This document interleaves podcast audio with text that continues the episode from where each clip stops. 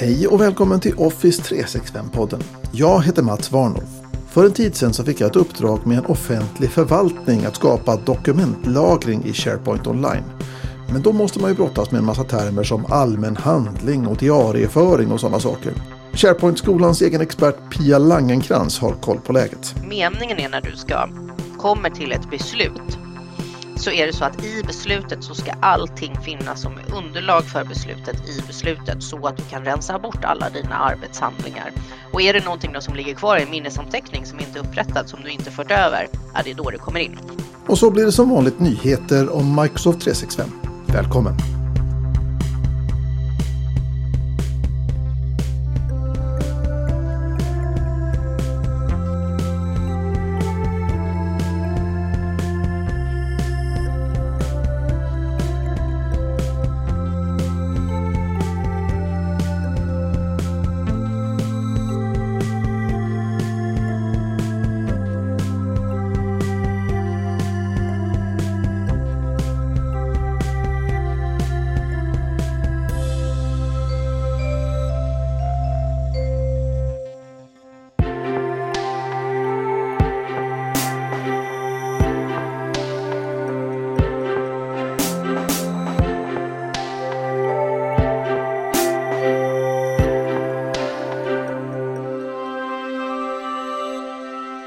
Vi har ju ibland myndigheter som behöver använda sig av eh, liksom dokumenthantering och liknande saker. Och eh, här är det ju, just nu så pågår ju världens debatt eh, rörande integritet och främmande makt och var får datat lagras och alltihopa det här. Vi kan inte riktigt gå in i det för att varken du eller jag är ju egentligen jurister. Min uppfattning är ju att jurister i första hand, de talar om vad som gäller men det, det, är en av juristernas uppgift. Eh, den andra uppgiften som man har som företagsjurist eller kommunens jurist eller någonting sånt där är ju att företräda och därmed försvara om kommunen ändå beslutar att lägga saker och ting i moln eller liknande saker. Ja, men ja. Eller? Eh, eller alltså, det är ju så här att juristerna tolkar lagen ja. ända tills det finns ett rättsfall och då blir det ett prejudikat. Mm. Ehm, så man kan ju säga att jurister faktiskt är eh, väldigt välkvalificerade gissare om det här. Och det är därför också många olika jurister kan säga olika saker om samma sak. Eh, vissa säger att molnet är okej och vissa säger att molnet inte är okej. Eh, men det är ju inte så enkelt. För att vi i Sverige har ju den här fantastiska offentlighetsprincipen. Right. Eh, och, och, det här eftersom vi lutar oss väldigt mycket liksom mot, eh, mot dokumentation. Sen har vi ju liksom vad man säger och liksom egentligen allting är ju information. Det handlar egentligen om informationen, inte om dokumenten och vad som står på pappret och sådär. Det är faktiskt bara en lagringsplats av informationen. Men i, i, i praktiken så handlar det väldigt mycket om dokumenthantering.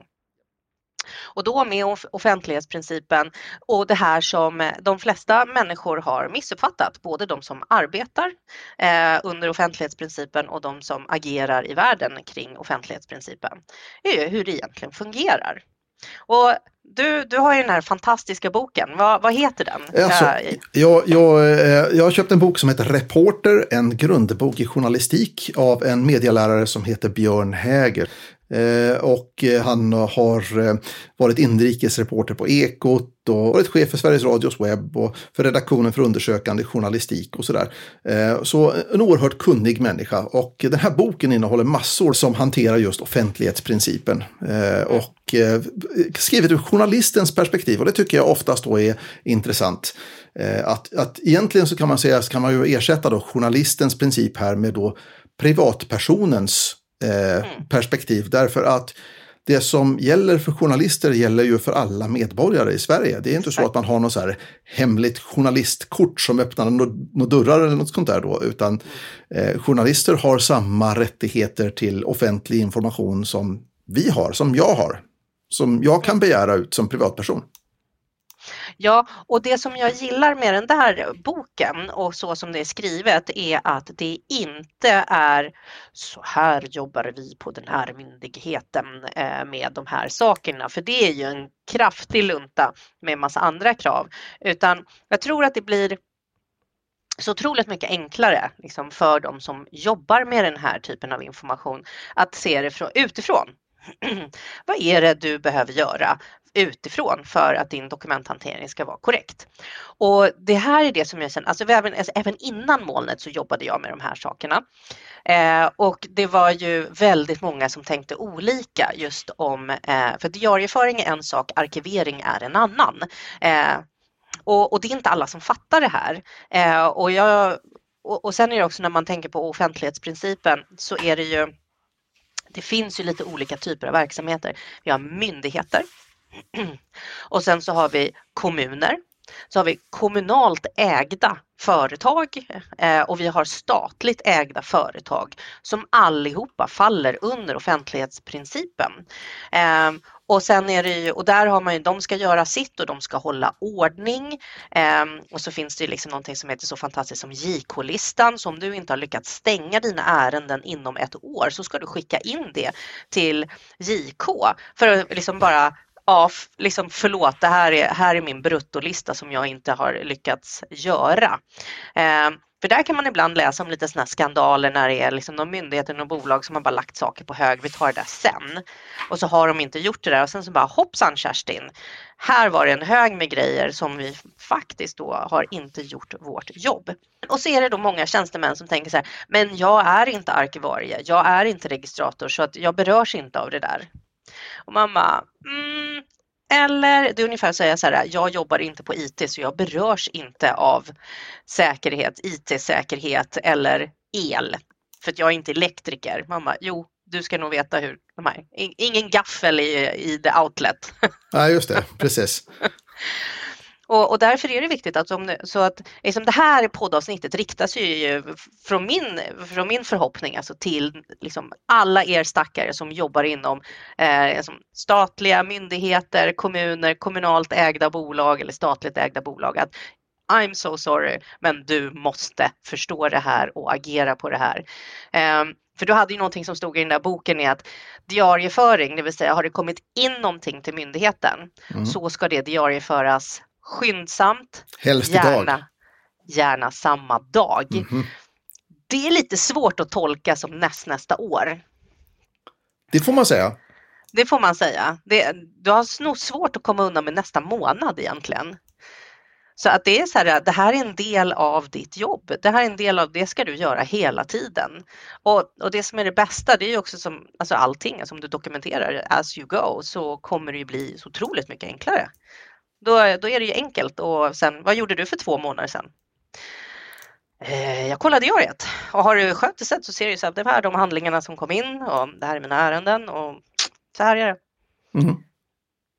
Men eh, hur, hur ser eh, liksom det här arbetet ut rent praktiskt? Eh, jag menar, jag är ju inte expert på hur handlingar hand, handhas och så vidare. Och så mejl som kommer in då som också är naturligtvis då brev till myndigheten eller motsvarande då som ska diarieföras och, och den typen av saker. Eh, det här måste ju, tänker man sig ju som utomstående att det här måste ju liksom hanteras som ett separat system eller gör man det här i Microsoft 365? Alltså, eftersom det står i lagen att du ska hålla ordning. Och det är lite samma sak om du är egen företagare. Du ska hålla ordning på din ekonomi. Så det är, det är inte så att du måste ha ditt annat system. Du kan ha din diarieföring och ditt arkivar, eh, liksom arkiv i Microsoft 365. Det går alldeles utmärkt. Eh, men då måste du ju mecka lite. Det är ju mycket mer kostnadseffektivt att faktiskt köpa in ett verktyg då du gör de här sakerna. Och de flesta verksamheter har ju då ett diarium sådär, och e-arkiv och det finns massor av olika. Eh, jag jobbade tidigare med ett eh, system som heter Public 360 och det är ett norskt bolag. För där tycker jag att i Norge har de gjort det lite bättre. Där har de nog den här standarden NOARK. Eh, vad det står för vet jag inte, men eh, jag vet vad det betyder och det är ju att eh, i, i, Sverige har vi lagar som tolkas av olika enheter. Det är därför många jobbar olika.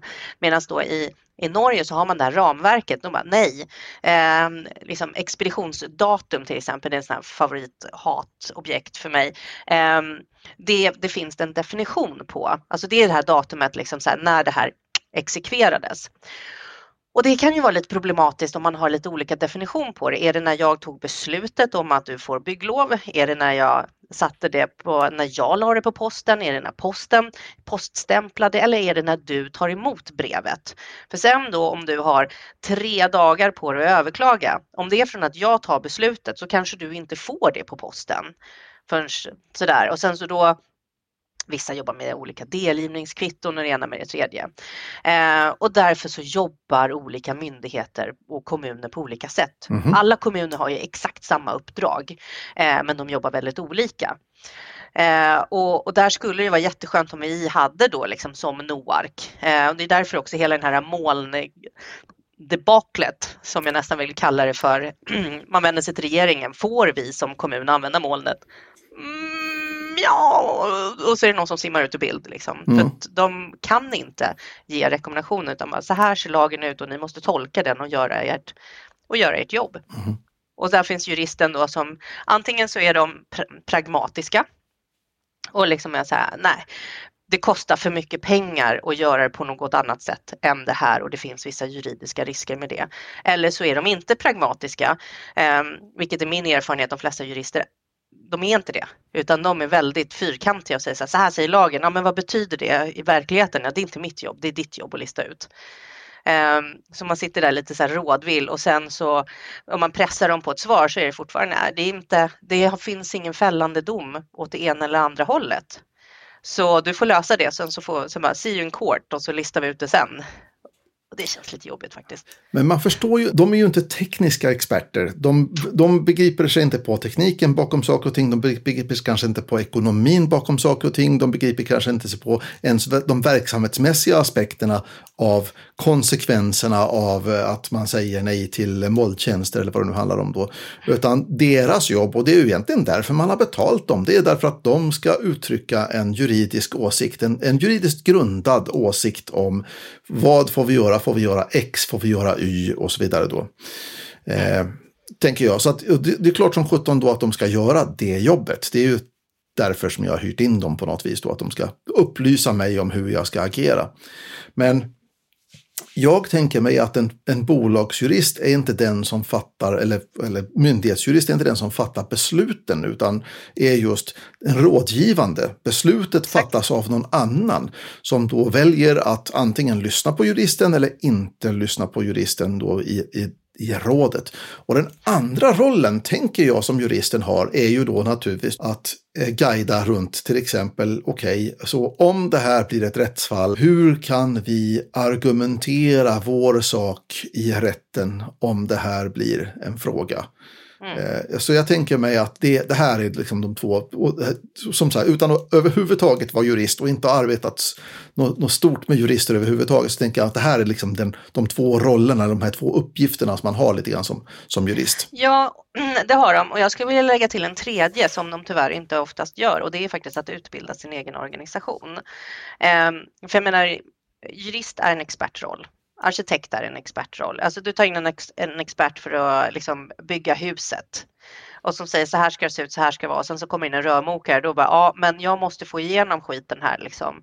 Vad, vad ska vi göra? Och då bara, ja men du får göra det där för det är inte en bärande vägg. Eh, så det är fortfarande liksom ett samarbete mot resultatet och där är ju jurister oftast extremt okänsliga för saker som budget. Eh, där, de, där de kan säga så här, nej men du får inte göra så här. Då, men vi kan inte. Ja, men om vi nu säger då, eh, som en annan sak som står i den där boken, är att ehm, eh, man får begära ut saker på papper om man vill. Ja. Och efter nio ark så får eh, myndigheten ta betalt. Mm. Ja, och, och då är det så här och då, och då kan det vara då någon som säger så här, men vi har en upphandling liksom och, och sen då så kan man ju hänvisa till alla bilagor som finns i en upphandling. Om vi nu ska säga så här, kemikalier eller någonting annat. Då är, är, är man så, så här, jag vill ha alla bilagor, allting som refereras till, allt, allt, allt på papper. Då kan en jurist säga så här, ja det är bara att göra. Mm.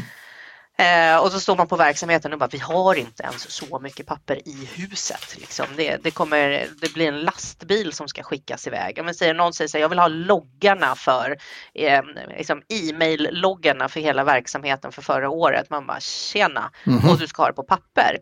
Och där kan ju jurist säga det, bara, nej, gör det. Mm. Eh, Medan då liksom att någon då som kanske är har lite mer än en stor tå liksom i, i verksamhetens flöde kan säga så här, vi kan paketera det här på det här sättet och lämna, det, liksom, lämna ut det på det här sättet. För där är ju också, man får vara anonym när man frågar efter de här sakerna. Precis. Eh, och därför behöver man ha en viss smidighet. Och det är här också som när man sitter som verksamhet, att man får ta in det som en risk. Alltså det juristerna säger, det är en juridisk risk att inte följa det de säger 100 procent. Ehm, det är samma sak liksom att eh, jag brukar dra den här molngrejen liksom som en, eh, en parallell till eh, rekryteringsprocessen. Hur kan vi garantera oss att vår ekonomichef inte är liksom en, en spelare, en spelmissbrukare? Eller kommer att bli det? Ja, ja hur, hur, kan vi garantera oss mot det? Liksom? Här, kan, kan vi begära ut hans webbgrejer, liksom historik eller apphistorik eller eh, liksom, gå till alla kasinon med en bild, har du sett den här mannen? Liksom, hur mycket, eh, intervjua hans fru liksom, eller, eller, eller hennes man, nu ska jag inte vara sån. Eh, det gör vi ju inte utan vi tar en risk och säger så här, okej okay, du har inga betalningsanmärkningar, du har en sund ekonomi, du är inte en ekonomisk risk när du har förmåga att faktiskt tömma våra konton på pengar. Um, och, sen, och det är ju inte så att när då den här risken uppdagar sig att det här, det är, det är fysiskt möjligt att flytta hela, hela verksamhetens eh, eh kontanter till Filippinerna. Då är det inte så att vi slutar rekrytera alla människor som vi behöver verksamheten tills vi har 100 täppt igen det hålet utan det är en risk Visst. och den hanterar vi. Precis. Eh, som vi pratade om förut och, eh, i tidigare avsnitt här. Riskhantering. Eh, mm.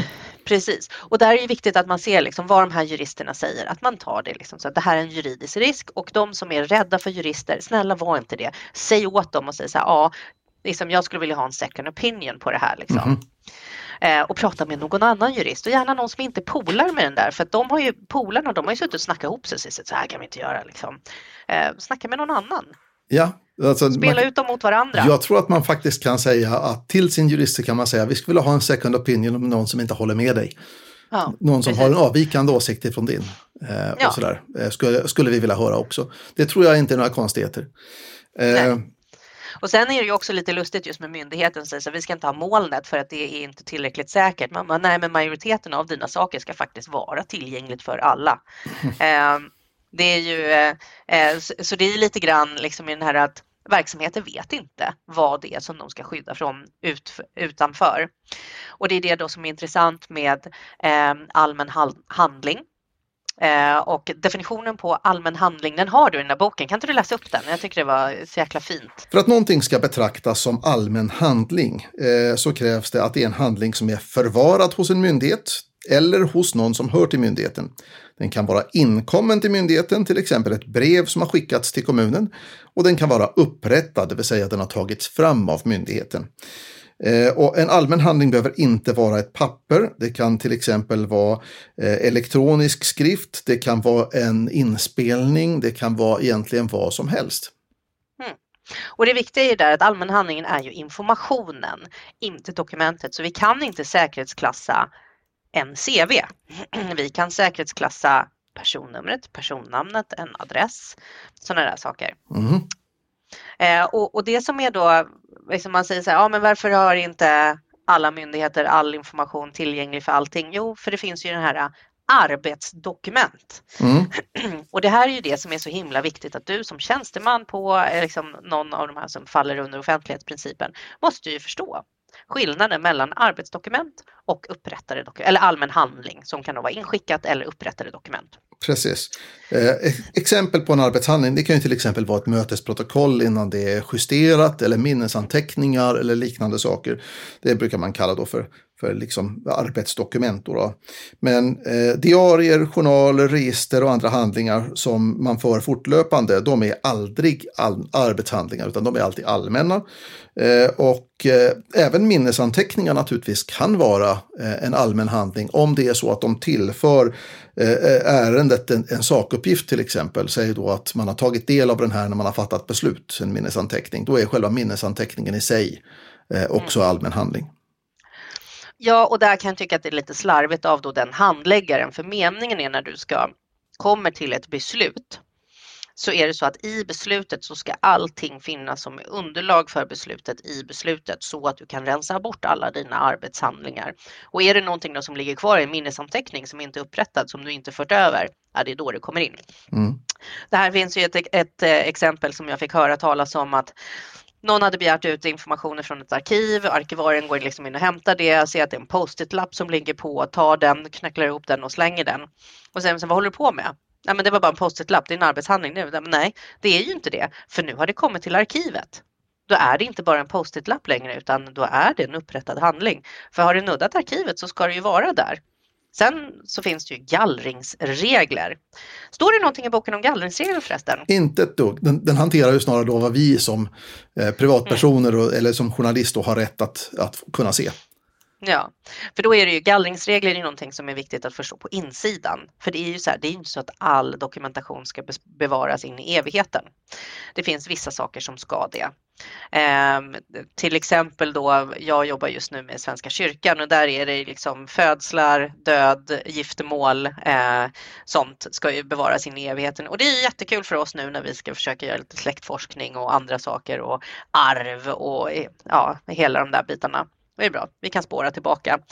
Eh, men vi ska inte spara allt. Och, jag menar, och nu idag när vi typ genererar terabytes av data liksom, genom att bara gå ut på Facebook och nysa eh, så ska vi inte spara allting.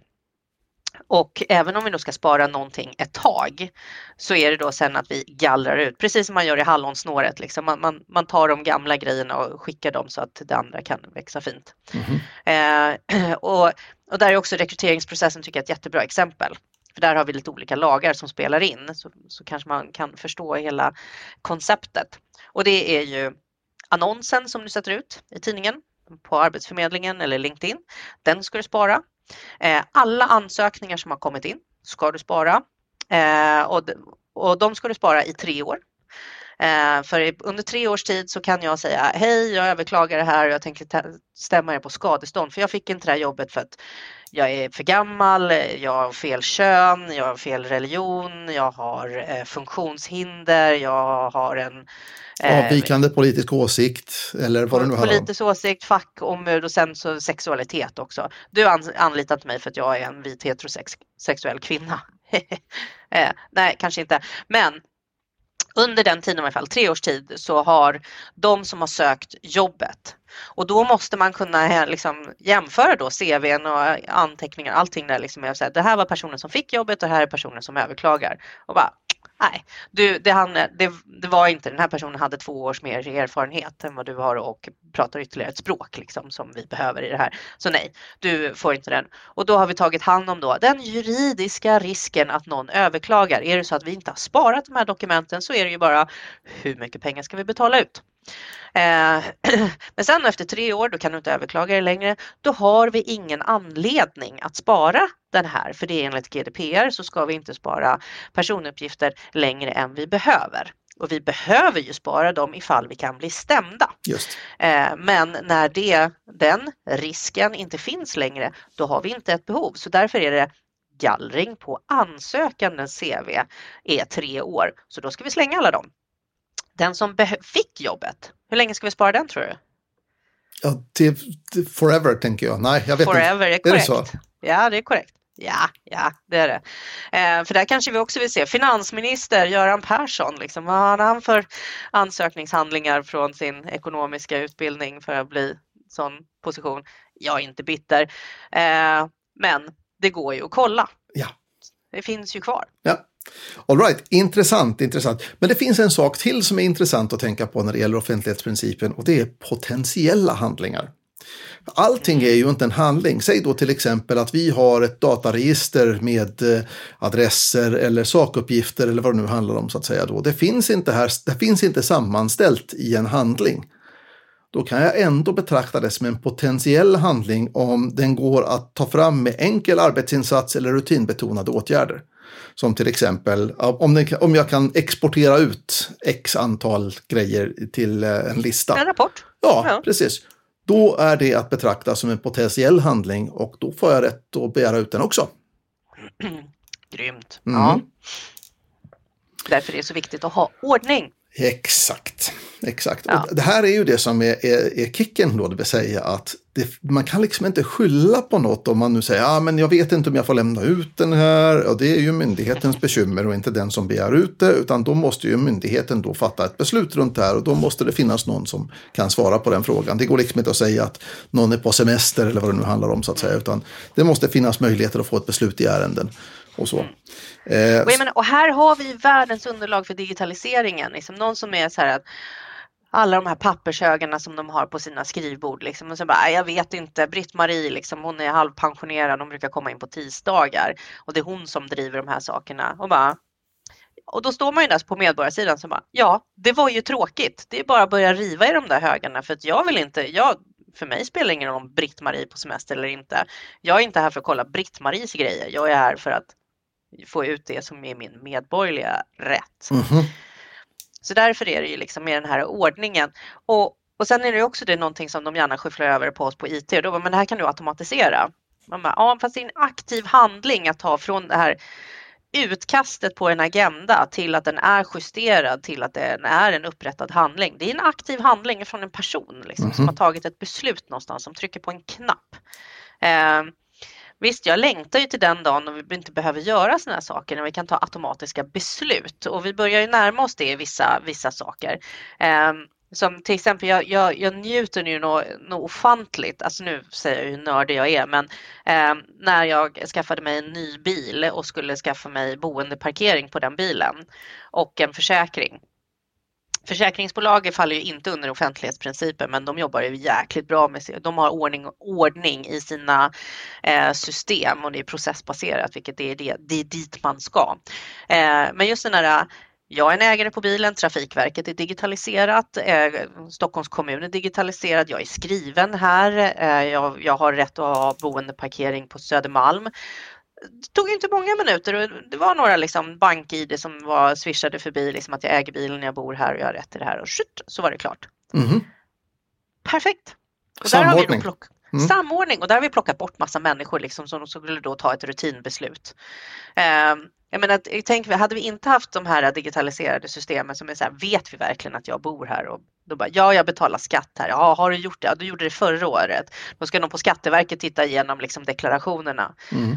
Vi har digitaliserat jättemycket. Så det är ju så när de säger så här, Åh, kan inte bara IT göra det här? Då var när vi fixar det, att IT bara gör det här, då, då får du göra någonting annat, för då behöver vi inte dig längre.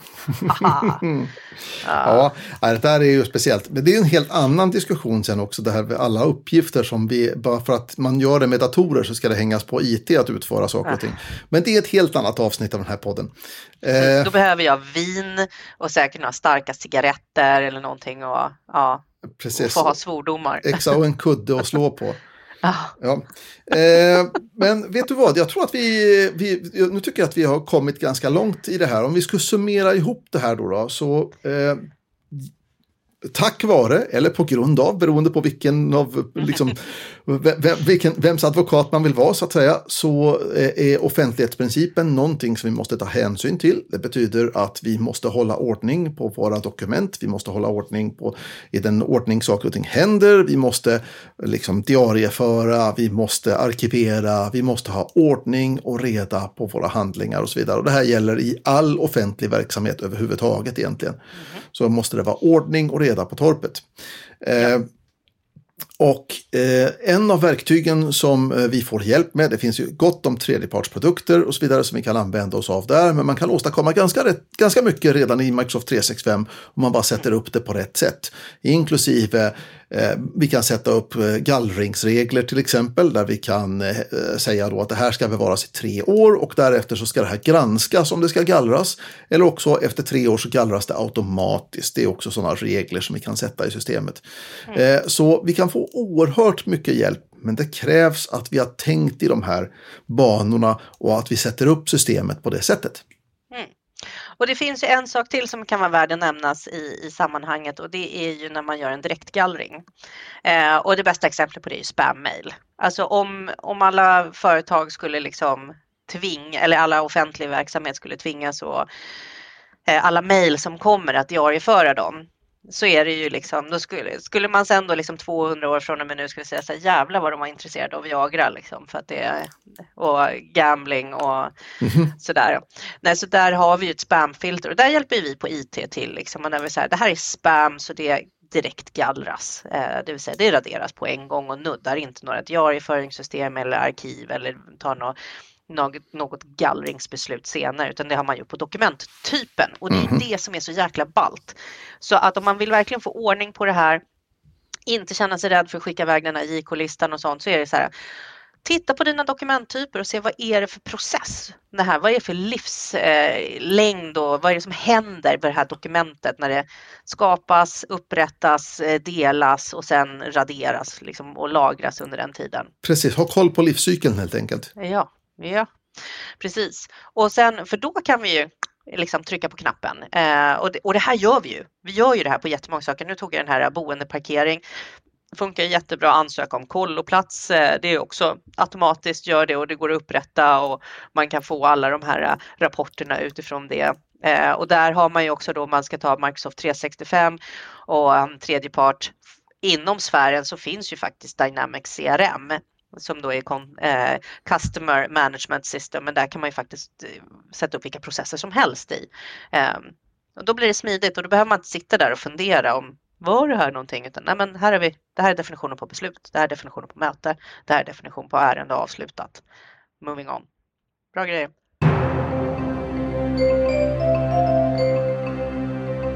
Dags för nyheter i Office 365-podden. Använder du listor i Microsoft 365? Det är klart du gör.